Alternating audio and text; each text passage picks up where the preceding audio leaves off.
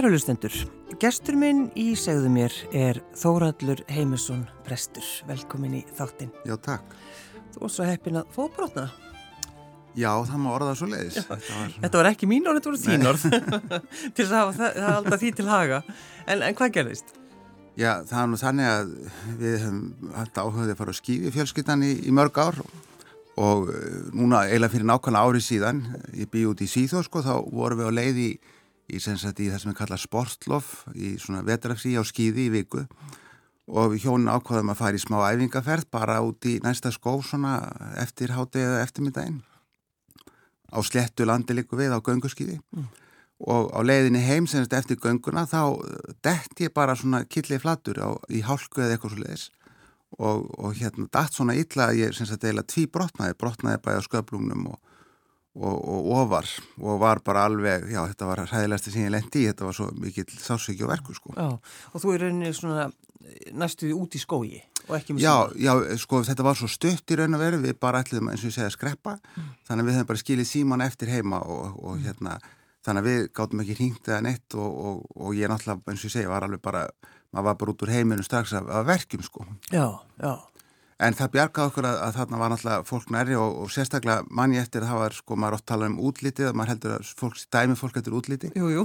En þarna var einhver ung kona sem, sem kom að og, og með svona mjög pönkarlegi útliti með, með ringi í nefi og eirum og, og tattueruð og, og annað slikt og meiri sem er svona talaði mjög þungum finskum hreim. Og hún tók ekki annað í málinn að ringja strax á sjúkrabill og þeir báðanum að býða bara hjá okkur og skilja okkur ekki eftir einn sko og hún stóð þarna vaktin alveg þá til bílinn kom og mm. og svo var ég fluttur upp á spítala sko. En, en hvernig, hvernig sjúklingur ertu, Þorvaldur? Ég hugsa að ég sé nú ekki auðveldi sjúklingur og hérna og svo náttúrulega eftir að hafa verið á spítalanum og var komin heima þá, þá sá maður fram á alveg sko tvekja mánuða legu heima. Og, og, og hérna bara bundi við rúm og hjólastól og það er náttúrulega ekki á ekki vel við mig að vera að segjast eins og er sko. Nei, nei, og, en, en þá kannski þá fer maður að hugsa hvað maður að gera þennan tíma Já og þá hérna þá fór ég um þetta að hugsa um það og, og, og þá dætt mér í hug sko að ég hef verið að sapna efni í ákveðna bókum um daldi langan tíma með öðru mm. og ekki almenna haft tíma til að skrifa hana en átti líka efni sem ég skrifa kannski brot hér og, og kabla þar og ákvað úr þetta var svona langu tími að reyna það bara þegar ég er einn heima á hvað sem er að, að nota dagan og skrifa, skrifa þessa bók sem ég hef verið að hugsa um og, og tókst það bara nokkuð vel á þessum teimu mánuðum að ná þessu efni saman og, og hérna þannig að þegar ég loksins reys úr rekju aftur og þá var kannski bara svona eftir að, að fín púsa, púsa efnið sko. Já, og, og fín púsa efnið, allt sem þú vildi vita um biblíuna. Já, þetta er hljómar alveg brjálæðislega, ég veit það, en, en, en þetta er einmitt svona, já, þetta er svona gegnum gangu, getur maður sagt, um sögu biblíunar og, og allar þessara texta, hvernig þetta var til og og allar þessara gömlu samfélagar sem að, sem að settu sipsir á, á textara Egiptalandið forna og Gríklandið forna og Rómaveldi og Babilón og alls konar orðsturinn sem ég held nú svo mikið upp á líka. Og, og hérna setja þetta saman sem þetta svona daldi út frá sögulegu sjónurhaldni en, en sko sagfræðingurinn í þér Þórhallur, þú einhvern veginn losnar ekkert við hann. Nei og, og það er nefnilega það er nefnilega það, sagfræðingurinn er hansi situr hansi fast í mig sko, og þá má segja að þessar bækur sem ég hef verið að fástu að skrifa og, og reynda kannski mjög margt af því sem ég geri með tengið sakfræðinni sko. og það var nú þannig að á sínum tíma áður en ég fór í Guðfræðinámið og, og hérna og fór inn á þessa Guðfræði bröð þá var ég reyndar í sakfræði í háskólun þó ég haf nú aldrei klárað sakfræðin ég var bara einn vetur en, en hef alltaf haldið áfram að lesa sögu og, og samkvæðað mér Já. sögu rítum og á fleiri sögu bækur heldur en góðu hófi gegnir Já, en af hverju, af hverju breyttir þau? Veistu, veistu út af hverju þú tekur þessu áhrif? Já, það, það var kannski, það var kannski, mér fannst eh, á sínum tíma þegar ég var í sakfræðin í háskólanum, mm. Þá fannst mér kannski sko, meðferðin og efnin vera eh, eiginlega of, of þurri á þetta orðað svo leiðis. Mér fannst ekki vera nú lifandi meðferðin á, á sögunni. Oh. En, en svo aftur á móti þegar ég fór yfir í, í Guðfræðinámi þá eiginlega hafði ég þessa sögu með mér alla og þar fannst mér nú verða meira lifandi og, og meira svona eh, virk eh, fólk var að skoða þessa sögu út um allan heim, út frá, út frá kannski sinni trú og, og sinni persónu og upplifunum mm. og það fannst mér aldrei spennandi og þannig ég meiri þess að nota mann ég var efni sem ég hefði verið að skrifa í, í sagfræðinni þegar ég fór svo að skrifa áfram í guðfræðinni sko. Já, já, já En, en sér það einhvern tíman fyrir þér? Þú veist, langaði bara að setjast á skólabekka aftur? Já, ég, það, það er sko, það er nú eitt af því sem að, það er svo margt sem maður vil gera sko, en, en það er eitt sem er mjög spennand og hver veitna maður einhvern tíman gefið sér tíma í það sko í, í framtíðin en, en ég hef, eins og sé, alltaf verið að fást við, við sagfræði og, og, og hérna, og, og allt sem ég er auðvitað að skrifa og hugsa oft um er út frá sagfræði sko. Já, síðasta bók sem þú skrifaðir, það var Saga Guðana. Já, einmitt hún kom út núna 21, höstu 21 Já. og það var einmitt að sama, þá fór ég yfir sko viðan við öllum bara um, um sögu guða heimsins alveg frá, frá upphæðum og mest tótt á sem maður getur kallað lifandi trúabröð og, og líka út frá þessum ferðum sem ég farið um, um allan heim og skrifaði um þeirra sögu út frá mínum eigin upplifunum og, og, og hérna þessum ferðum sem ég farið. Já. og þessi bók, allt sem þú vilt vita um biblíuna, hún er hún er skrifið á svipuðum fórsendum sko, þetta er svona fyrir almenning sem hefur áhugað þessari sögu. Og, og það er ég líka með sko sjálfa mig með í frásögninni.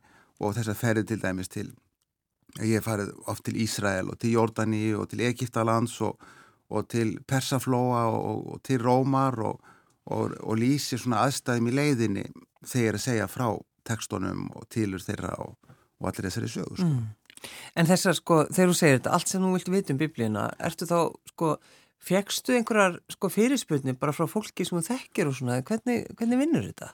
Já og sko þegar maður segir þetta sérlega þrískipt, í fyrsta lagi er þessi saga, öll, bara hvernig þessi tekstar eru til og, og sagfræðin og bakveð þetta saman. Eh, svo fer ég í gegnum hverja einustu bók í biblíunni og, og hérna og segi frá einmitt þessu bara svona mjög sögulega hvernig tilurð og og áhugi þeir sem er að skrifa og áherslur og allt svo leiðis og, og síðan er ég með allar þessar spurningar ég, og það er kannski þær sem að íttu á staði þessari bók Já. spurningar sem ég fengi til með svona ámskeðum og bara í spjalli við fólk og, og, og það tek ég alveg fyrir allt mögulegt alveg út frá því að okkur er allmis bara fjögur guðspjall en ekki átta eða tíu eða fleiri sem hafa fundist í eðmörkinni hvernig stendur á því að menn bara völdu þessin ekki hín og hver réð þessu og hver á aldi og, og svo framvegis? En ég minna, hefur þú svöruð þessum spurningum, Þoraldur? Já, þú voru bara að lesa bókina þegar hún kemur út. En já, ég reyna að koma með svöruð þessu sko. Og yfir í kannski kaplan sem að mér finnst mér finnst svona kannski erfiðast að skrifum og það, ég kalla hans skrimsluðundi rúminu. Og það teki fyrir geðinga hatrið og geðinga ofsóknir sem kannski spretta úr sömum tekstum nýja testamentisins og, og þróast í kirkjunni og enda kannski hjá Martin Luther á sínum tíma til þess að hans skrifum gegn geðingum og er svo notað á nazistum og svo framvegs og, og það er svona, svona svarti kaplin í bókinum og svo sem ég reyni að taka þetta þannig að, að maður sé ekki að skilja neitt út undan heldur það ekki einmitt bæði það, það fallega og, og það ljóta. Já, skrimsleðundi rúminu. Skrimsleðundi rúminu, já En þá, þá er ég mynda að hugsa um gíðingahatrið sem, sem að menn gætnan vilja ekki viðkynna þér hafa en, en er þarna og sem vex svona fram eh, með nótkunna á summa þessum textum mm. og eins og sé yfir í, yfir í Martin Luther á sínum tíma sko. En þegar þú til dæmis ferð til Ísrael, að því þú nefndir Ísrael sko hvernig Hvernig getur þau verið þarna án þess að vera pólitískur? Getur það? Það? Það er náttúrulega mjög erfitt vegna þess að, að, að sko þegar maður kemur til Ísrael og á þetta sæði þá, þá kemur maður kannski, og sérstaklega í fyrsta sinn, þá kemur maður alveg sko með, með hugan fullan af fortíðinni og sögunni og, og kannski ertu, hefur þú trúarlegan áhuga og hefur áhuga á biblíinni og þú kemur með allt þetta og og, og Já, fara allar þessar biblíustæði fara, fara í fæðingakirkju Jésu og fara til Galíli og, og sem er alveg dásamlegt að upplifa þetta allt saman og sjá uh, og þú getur líka verið bara með almennan áhuga á, á sögunni og öðrum trúabröðum og gýðingdómi og Íslam og allt þetta en svo tekur ástandið yfir að það er til og meins rosalega erfitt að, að keira frá Jérúsalem til Betlehem uh, og í gegnum hennar ræðilega múr, aðgreiningamúr sem var byggður á 2000 milli sem Ísraels með byggðum millir Ísrael og Palestínu á þess að, á þess að verða sko fyrir einhverjum áhrifum mm. þegar, þegar þú situr sjálfur í fínum fínir útu, túristar út og keirir bara í gegn eins og ekkert sé og svo sér þau vesenins fólkið sem er að fara í vinnuna og þarf að standi í löngur röðum og sína skýrtinni hjá einhvern stráklingum með bissur já, já. til að komast í gegn. Þannig að þegar, þegar þú ferð, gerir þetta í fyrsta skipti akkurat Og varstu þá með, með ferðamenn? Já, þá er, ég, þá er ég með ferðamenn og ég, er, er, ég vildi alltaf með, ferða, með hópa með mér. Sko. En hvernig, hvernig leiðir að fara? Já, þá, þá, þá reyndar, sko eins og ég segi, þá kemur maður svona alveg bara, ó, ó, dásanlega að vera komin. En, en þetta tekur náttúrulega strax yfir og þú getur verður að horfa og ég hef spjallað við mjög marga þannig bæði sem sagt Ísraelsmenn og, og, og Palestínu og Araba og mikið að til dæmis leðsugumönnum sem eru unni með sem eru mjög gjarnir á að fá að tala og segja frá. Og, og maður finnur til með öllum sko því allir hafa sína sög að segja sko báðu megin við viljunum og, og bara alls konar hillingssögur alls konar hillingssögur og, og ekki bara frá nútímanum heldur heldur sem sagt ég mann hann eftir einum sko Ísraelsmanni sem ég vann með ég fór að spjalla við hann við áttum hann frían eftir mig þetta og, og hann fór einmitt að segja mig frá sinni fjölskyld þetta var maður á mínum aldri að foreldrar hans það er sko flúið með foreldru sínum frá Þískalandi á sínum tíma mm. og svo hafði allir fjölskyldunni verið útrýmt og sjálfur sko talaði hann meðal annars Þísku vegna þess að bara eins og við Íslendingar tölum íslensku við börnun okkar í útlöndum já, já. vegna þess að ættin var þaðan og svo hefur maður Palestínu Arabanna sem segja frá því þegar þeir voru hraktir eða Afi og Amma voru hrakin frá sínum heimilum og, og jafnvel skotinn og, og, og þetta náttúrulega hefur gríðarlega sterk áhrif á mann mm. En nú ertu búin að fara til Ísrael svo, svo oft eru samt, sko finnur alltaf þessi áhrif hvað skilt sem að ferðana?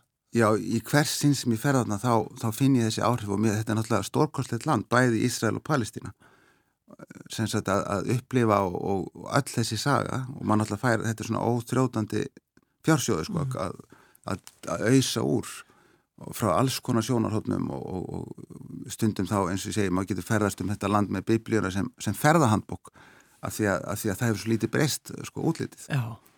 En, en, en svo líka öll hins sagan eins og ég segi þessi nútíma saga og allt þetta og aðstæðunar og þetta hefur ótrúlega sterk áhrif á mann. Já, já þegar þú sittur svona og skrifar heila bók sko þetta er nýjönda bókin sem er að, sem varst að klára núna og ég spurði, kallar þið rítvönd og þú bara nei, nei, nei, nei, nei. En ég meina þú er búin að skrifa nýju bækur.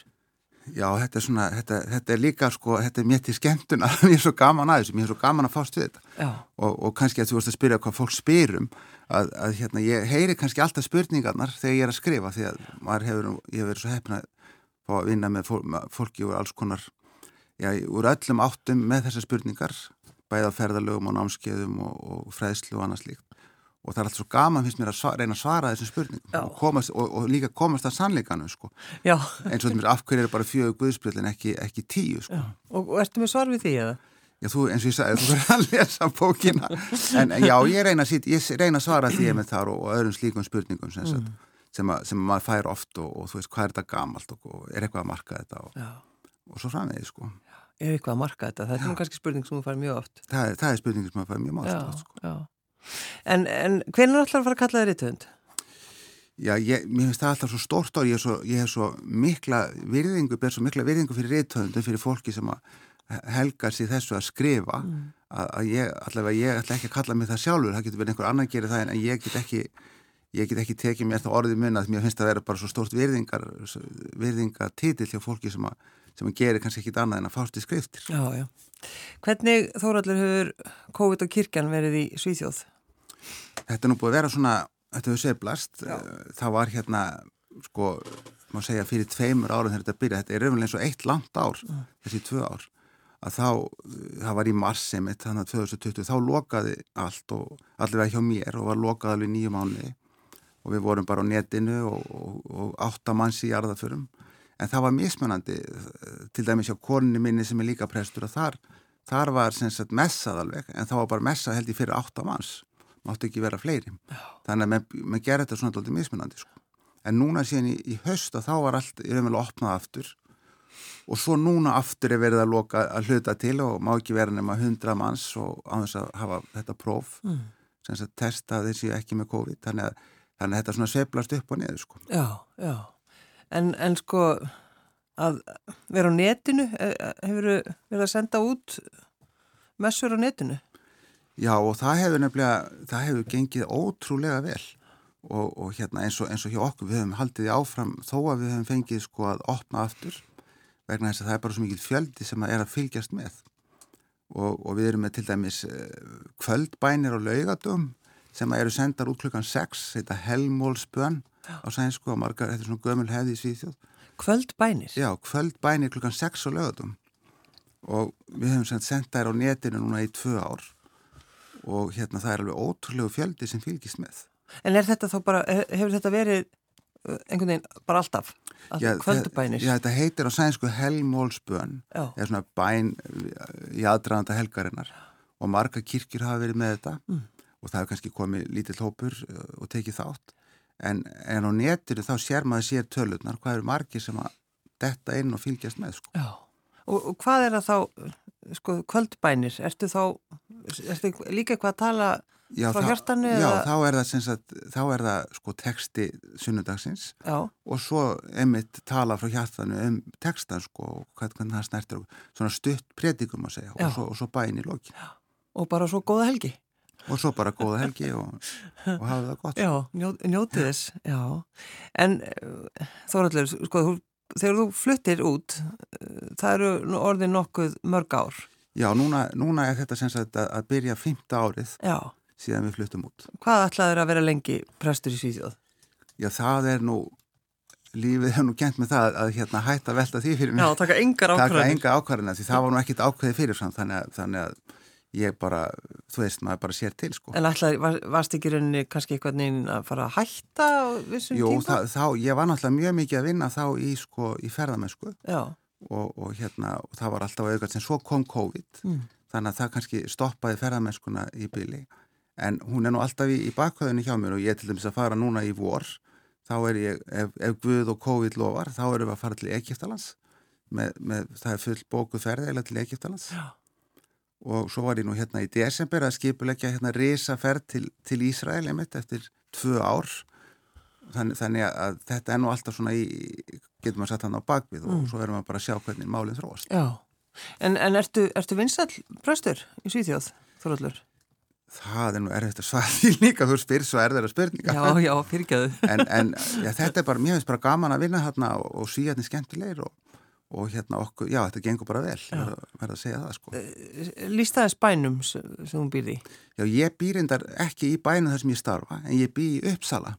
Og, og það er semst háskóla borg rétt norðan við Stokkon 60 km fyrir norðan, það er oft sagt að hún sé svona svipuð og, og reykjaði ykkar stæð sko. Já. og þetta er alveg indislegur gamal bær, sem sé háskóla bær alveg þúsund ára gamal og gömul hús og, og byggingar. Og ótrúlega fallegt að vera þarna sko og stutt út á skíðarsvæðin eða, eða út í skóana sem eru þarna allt umkring sko. já, já. en sjálfur er ég eftir að vinna og það er alltaf gaman sagt, í, í söpniði sem er út við hafið. Og ég segir stundum að ég sé að vinna á álandsegjum vegna þess að næsti bæri eru álandsegar sem er þarna fyrir utan. Og, og þetta er svona virkilega gamalt vikingarsamfélag og smalt spennandi þarna.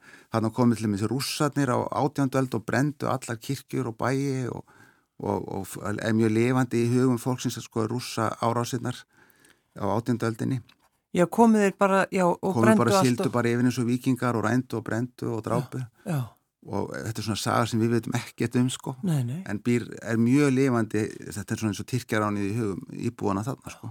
Þannig að þetta er eitt af þessu sem að fólk talar ennþá um það. Algjörlega og, og það, það er verið að sína manni gömni kirkjurnar og þarna eru kúluna fyrir eftir rússana og þarna er sérst bruni ennþá í vegnum eftir rússan og rússarni stálun og þessu og og, og, og svo framins og þessir endur byggðu svo eftir að rússarnir voru hérna á, á svo leið sko. Já, allir það ekki vel á móti rússum sem koma í heimsók hvernig ætla það sé? Já, öruglega, það er, í dag koma, koma menn úr, úr öllum áttum sko, en, en, hérna, en þetta er samt mjög lifandi saga og svona í, í hugum fólk sko já. á þessu sveiði. Já, já. En, en að þú lemdur þetta að þú ert að skipleggja ferð til Ísrael, sko leðsugumæðurinn sko þú Já. sem leðsögumæður hvað er það sem að þú hefur alltaf í huga? Já, það er kannski bara saman eins og þeir að skrifa bækunar er, ég hef svo gaman að ég að segja fólki frá mm. og, og það er náttúrulega annars vega bara það, einmitt að segja frá og upplifa staði og sögu og umhverfi en, en líka það að, að muna það einmitt að, að sem leðsögumæður hefur maður kannski komið ofta á staðin áður að maður má aldrei sko leifa sér það að gleima því að þarna kemur kannski fólk eins og segjum bara til Rómar eða Ísrael sem hefur kannski átt sér þennan draum alla æfi og ég sé það sérstaklega í Jérúsalem til dæmis. Alla æfi hefur fólk dreymt um að koma til Jérúsalem það er alls konar hluti sem komið vekk fyrir það að þetta er dýrt og þetta er langt og fólk er hrætt og það er stríð og það er COVID og, mm. og það er börn sem að fæðast og, og allt sem gerist í lífun og aldrei kemst maður. En loksins er ég komin til Jérúsalem og þá má maður ekki gleyma því að gefa fólki allt sem maður getur svo að fá að njóta þessara, þessara dröms sem það hefur átt allar sína æfi að vera þarna og upplifa staðin og, og hérna söguna og, og, og það sem það er sjálft hugsað þannig að þegar það fyrir heim þá sé það sko sátt og glatt með það að þessi gamli, gamli draumur hefur loksins náða að reytast. Já. En finnst þetta ekki líka þó allir gaman um þetta að sko upplifa þessa spennu í hvert einasta skipti sem hún kemur til eins og bara því við erum bara að tala um Ísraela því að það er svona Já, jú, sem þú ert að pæla í núna. Það, það er, þetta er náttúrulega algjör forréttindi að, að fá að koma og, og, og vera með fólki í þessum draum sko. að, að því eins og ég segi, þetta er, þetta er mikil draumur sem að rætist til fólki að og svo hefur við til dæmis farið til, til Jórdaníu, til Petra í Jórdaníu sem er Klettaborg sem var hoggin út úr berginu um, um, um já, 500 fyrir Krist fyrst og, og stendur þarna auð og það er líka svona draumur hjá fólki að koma að stanga Já. Þú er kannski búin að hugsa um þetta í 25 ár. 30 ár, mikið langar mig til Petru. Ég kemst aldrei. Nei. og nú ertu loksins komin.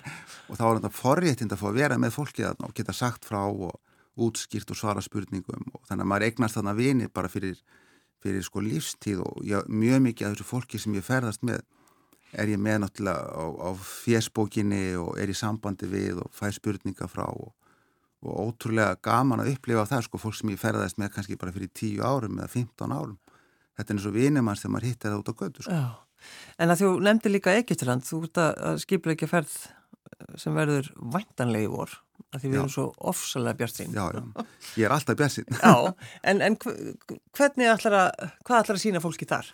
Já, það er, sem sagt, þá er, er hugmyndin einmitt að fara, þá förum við til Kæró og, og svo, sem sagt, siglum við upp Níl og siglum fram hjá þessum stóru gömlu, hérna, rústaborgum, Karnag og, og Luxor og alla leið upp að Asfanstýplunni og að hofunum hérna við Suður landamærin og, síðan þá fljúum við tilbaka og til, píramítana og skoðum þá. Og svo til Alexandríu líka og, og upplifum það. Og förum inn í píramítana, förum inn í stóru píramítana við Gísa og Já, þeir hleypa manni inn þangað. þeir hleypa manni inn þangað og það er það er sko, verðum, það, það er ekki fyrir fótbrotna.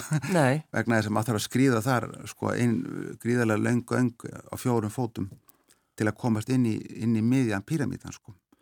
Og, og þá ertu með kannski fólk á undaðir og svo ertu með fólk á eftir og svo allt inn stoppa röðin og þú veist ekkit af hverja því það kannski maður nummið 30 undaðir í röðinni. Og þá verður líka, það þýðir ekkert verið um innlókn að ég ætla að alveg, þetta er eins og að vera inn í kassa sko og þú veist ekkert hvað er að gerast hvorki á undan og eftir og það er 40 stíða hitið hann inni. Hann lóttu vera með með góð nýje. og, og, og, og sem sagt, já og, og, og hvað getur sagt, góðan anda. Já, góðan anda. róleg, sko, en svo er þetta alveg magnað að koma inn í píramítana því að svo kemur inn í miðuna og það er opnað þessi grafkvelving þar sem að fara og var, var jarsettur sem er heilt salur inn í og svo ertu með, sko, hugsaður út með tvær miljónir steinhullunga fyrir ofan því, sko þannig að þetta er mjög magnað Já. Þú hefur líka sko, náttúrulega þekktur fyrir námskeiðin þín þóraldur, alltaf að bjarga hjónaböndum. Já, þau hafa nú verið einmitt í gangi undanfærin ja, 26 ár Já, En, en það er að sama með það eins og annað í COVID-inu, þessi námskeið, alltaf, þetta var náttúrulega, það hefur verið, ég reyndi fyrst en það var mjög erfitt að sitja með grímur og spritt og allt þetta og erfitt að tala saman. Eh, En svo hef ég reyndar haft núna eh, námskeið á netinu og, og hérna fyrir litla hópa og fyrst var það líka mjög skrítið og fólk náttúrulega fannst þetta erfitt að sitja við tölvuna. En nú erum við búin að læra þetta mjög vel og Og, og þannig að það, mér finnst það bara virka mjög vel og, það er mikið svona, sérstaklega kannski varandi alltaf þess að sögu, það er svo mikið áhugi, fólk er búið að sitja heim í tvö ár og horfa á Netflix, já, já, við erum búin að horfa á allt sem allt er að sem horfa er á Netflix og sjá alla þættina, Já, já, Þann- þannig en, en að setjast niður eina kvöldstund og, og, og fræðast um, um eitthvað á fortíðinni, lindadóma fortíðirinnar, já, það er mjög mikið áhugi, ég til dæmis að fara í gang núna með, með nýtt námski sem er fullbókað á sko, núna bara á sunnudaginn. Hvað er námskeiðið það? það er námskeið um, um hérna reyndanum sögu Ísraels. Og, og það er, maður finnur að fólk, það, fólk finnst gott að geta sest niður og, og hugsað um hlutina sko í rólihettum heima hjá sér Mm. eh, og hugsað um eitthvað annað en COVID og, og eins og ég segi Netflix eða eitthvað svo leið. Já, já, já, þannig að þú ert sjálfur náttúrulega búin að venjast þessu.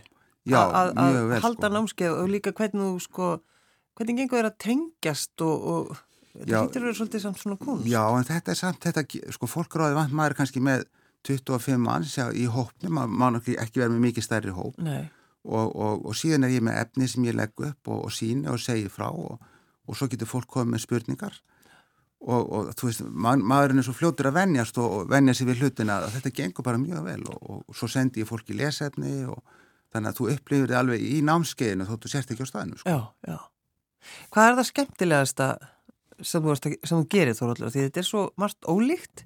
Hvað er það svona sem að, ef þú þyrftir að velja? Já, ef ég þurfti að vera það skemmtilegasta sem ég geri það er nú að fara með fólk í ferðalag sko. Já, það er svona mitt upp á hald og, og sem, allt sem tengist í og, og þess vegna hlakka ég mjög mikið til að komast í raunverulega í gang aftur. Já, og, og hlakka til ferðarinnar í vor, það verður alveg frábært. Það er fólk til dæmis búið að býða í tvö ár, það er hópur raunverulega sem að var, við ætliðum að fara þarna 2020 já, til Egyptalands. já, og það var fullbóku ferð og svo eruð við að fresta til 2021 og svo eruð við að fresta til 2022 og ég held að sé bara örfáir sem að hafa orðið að hætta við en langt flestir hafa eru búin að þreja þorran og góðuna sko og býða. Já, já. Ég held að við séum kannski landin séu svolítið búin að venjast þessu öllu og, og, og við erum svona að reyna að verða svolítið þólinnmóð eða mér skoðast að reyna það. Já, menn, menn að reyna það sko og, og, þa- og þannig þessi, þessi bók sem ég var að skrifa hérna í fótbrotinu og allt sem þú vilt vita um biblíuna hún er einmitt líka hugsuð aldrei þannig að þú, þú geti farið í ferðalag á þess endilega að þurfa að fara í ferðalag sem sett svona líkamlega og, og geti svona verið, verið þá bara þólinn og heima hjá þig með þetta og velta þessu fyrir þig sjálf sko. já. Þetta er sko, þegar þú byrjaðir á bókinni, hvað hugsaður, ég ætla að hafa hana eh, litla, ég ætla að hafa hana stóra. Já, þegar, þegar ég byrjaði þá hugsaði ég með mig að ég, væri nú endalega búin að missa vitið Já, að þetta væri náttúrulega vonlaust að því sko, ég meina bara titillin sjálfur er náttúrulega bara, er náttúrulega bara galið. Þetta, þetta er þó ég segi sjálfur frá orðnar sko meir en 500 blæsir. Þannig að þetta er, og svo eru þarna myndir líka frá, frá þessum löndum öllum. Þannig að þetta verður heilmikið rétt sko. Já, já. En þegar þú, ef við förum aftur sem sko til Svíþjóðar, því þú búin að vera prestur þar í fimm ár, uh, hvernig svona hefur, hefur þú sko, hefur þú breyst sem prestur þarna? Já, það held ég alveg ábyggilega sko. Þannig að all, allt breytir manni, veist, all, allar upplifanir og það sem maður gerir og, og það er öðru vísi, það er, það er öðru vísi að vera prestur í Svíþjóð en, en hérna sko. Já, hvernig þá? Já, til dæmis bara það að yfirleitt hér meiri sér stórum prestaköllum þá er þetta mjög lítill vinnustæður.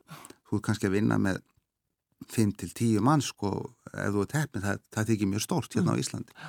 En, en ég er að vinna í frekar litlum söfnu en samt er við 35 starfsmenn og, og bara það maður er meira svona eins og bara ven, í venjulegri, venjulegri vinnum orða svo leis.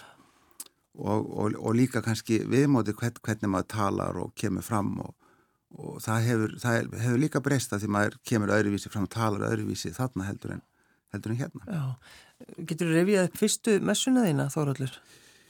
Já, það er nú reynda sko þannig að ég fór í, í framhalsnáma sínum tíma og var þá líka að, að vinna í Sænsku kirkjunni mm. sem sagt fyrir mörgum árum. Og það einn skemmtilegasta messa sem að ég var með þá einmitt sem að var, þá var ég algjörlega nýr.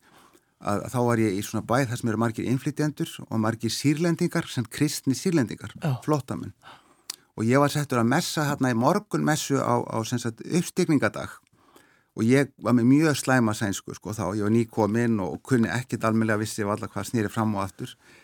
Organistinn sem að spilaði hjá mér hann var frá Ungverilandi og kunni ennminni sænsku ég. Það var tróðfull full kirkjafólki klukkan 6 á mótni, það voru allt sírlenski kristnir sem töluðu arabísku. Þannig að engin skildi það sem ég sagði. Og, og samt áttu við þarna sko frábæra með svo ógleymalega saman og, og hérna og knúsuðum hvort annað á eftir alveg fram og aftur. Já. og það kendi mér aldrei að í raun og veru þá, þá skiptir ekki höfumáli hvað þú segir. Nei, heldur meira bara þegar gott fólk saminast og, og allir eru með jákvæðan vilja þá, þá upplifum maður eitthvað gott saman sko. já, já. En sumir vilja, einmitt, hugsa kannski ekki alveg þannig, sumir vilja láta, veist, það sem að ég er að segja, ég vil að fólk taki eftir því. Já, en mér finnst alltaf þetta, þetta setur mjög í mér þessi messa þarna, fyrsta, eina fyrstu messonu sem ég var með. Veg, vegna þess að hún kendi mig það, ég myndi að, eins og ég segja, það, það, það, sem, það voru allir svo gladir í lokin, ég sé þetta enþá fyrir mér, þetta var sem klúan 6 að mótni í mæ og sólin skein og, og allir töluð arabísku. En klukkan 6 um? Já, þetta er svona morgunmessa og uppstyrningadegi í Svíþjóð sko. Þeir, eru mjög skrítna messutíma og hérna, og hvað allir voru gladir í lokin sko sem að hvorki ég en ég þeir skild og þó að ég hefði talað sænsku hefði öruglega ekki skilið það sem ég sagði sko, því ég var mér svo lélega framburð. En mannstu hvaða var sem þú sagðir?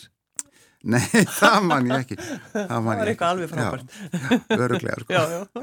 En, að, en það er eins og þú segir líka bara að hittast, hlustafallega tónlist og bara vera saman.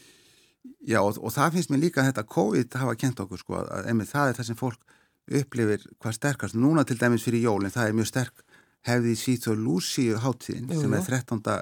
desember og, og þá, varu, þá var ég með fjóra Lúsíu messur þá helgina mm. og alveg tróð fulla kirkjur af, af börnum að syngja og tónlist og, og einmitt þá þurftum maður ekki að segja neitt sko að því bara það að vera saman að það eftir líka alla hennan tíma þegar fólk hefur ekki getað sérst almenlega að var, þetta var mjög mögnu upplifinur að að vera svona með fólki bara þarna í, í gegnum alla þessa helgi og, og hlusta á alla þessa tónlist og börnin og, og sjá hvað allir voru glæðir að geta bara saminast um það sko. mm. En þegar þú ert að predika, predika þóraldur yfir síjónum ertu sko, ertu pólitískur ertu, ertu hvernig, hvernig, hvað er það sem þú talar um? Já, ég hef, ég, er, ég hef nú reynda núna verið að vinna því að reyna að predika á þess að vera með texta sem skrifa hann. Þannig ég ger nú oft það að ég reyna að sjá bara svona kannski hverjir er í kirkjunni. Já, bara, í, bara þegar þú sér hverjir mæta. Já, hvort það sé ung fólk eða eldra fólk eða, eða hvernig fólk og, og, og, þó ég sé náttúrulega auðvitað búin að hugsa textan áður. En, en ég reyna að vinna þetta alltaf mikið út frá, út frá annars vegar þá textanum. Sem þú ert búin að velja? Sem, að, já, sem, að, sem er náttúrulega valin fyrir mann fyrir fram sko sem ég er búin að lesa áður og og svo alltaf út frá aðstæðan fólksins bara í, á þessum stað þar sem ég er mm. og, og daldið þá út frá fólkinu sem er í kirkjunni vegna þess að og það gefur manni svona meira frelsi heldur en að þegar maður er búin að skrifa niður fyrirfram og, og kannski svo kemur eitthvað allt annað fólk út búin að skrifa einhverja hálærða ræðu og svo er bara fermingabönni í kirkjunni Já, já, já, og það bara, það skila sér já, ekki. þannig, vel Nei, þannig að þetta er, þetta er reynst mjög vel finnst mér að, að, að tala þá út frá svona inn í aðstæðu fólks þarna á þessum stað þar sem að fólk er að upplifa og er að fást við og út frá því sem að þegar maður dagsins er sko. Og einmitt ekki verið með blöð? Ekki með blöð sko, það, ég er búin að vera að reyna að læra það undan farin ár og, og er alveg komið þangað að predika ekki með blöð sko. Já, já. En, en máttu ekki velja sjálfur tekstan í biblíinu? Nei, það er nefnilega, og það er líka hérna, að það er allir sunnudagar ásins eru sko niður neldi fyrirfram. Mm. Þannig að það er ákveð fyrir 2000 árin líku hvað, hvað þú átt að lesa í dag sko. það er mjög fast og þú mátt ekki breyta um sko. er, þessi dagur hefur þetta þema já, já, og þessa texta og hérna, þú getur ekki valið Þóraldur Heimisson, prestur takk kellega fyrir að koma. Já, sömulegis, alltaf gaman að koma hingað.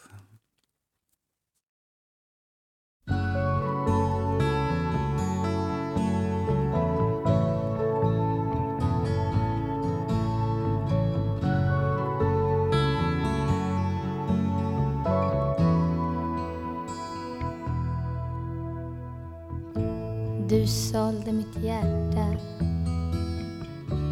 på realisation och du sålde min stolthet på närmaste auktion. Du sålde min värdighet och min innersta hemlighet. Av allt det jag gav har du ingenting kvar. Jag ger vad jag har, men du ger ingenting tillbaks. Lämnar här. Jag måste gå nu. Ja, jag lämnar dig här. För jag vill aldrig, aldrig, aldrig bli som du. För du sålde ditt hjärta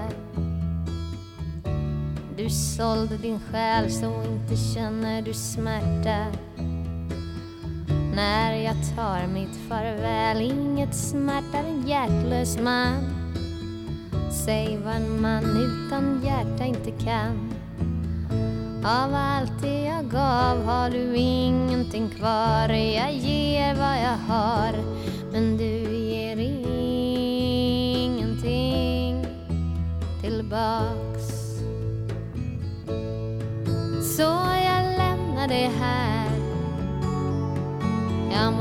Gå nu. Ja, jag lämnar det här. För jag vill aldrig, aldrig, aldrig bli som du. Du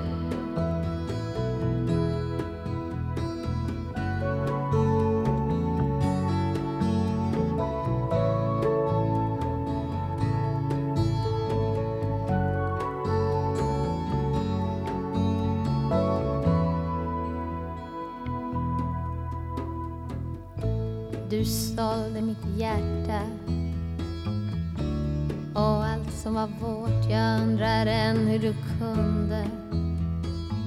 Du sa det var inte svårt. Nej, inget smärtar en hjärtlös man.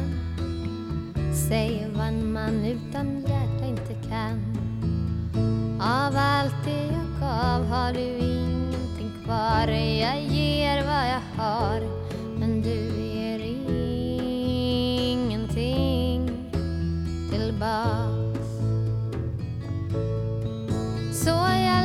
jag lämnar här.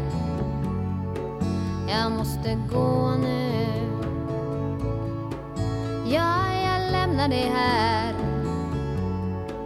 För jag vill aldrig, aldrig, aldrig bli som du. För du sålde våra hjärtan. Du sålde våra hjärtan. Ja, du sålde våra hjärtan. Du sålde våra hjärtan. Du sålde våra hjärtan. Du sålde våra hjärtan. Ja, du sålde våra hjärtan.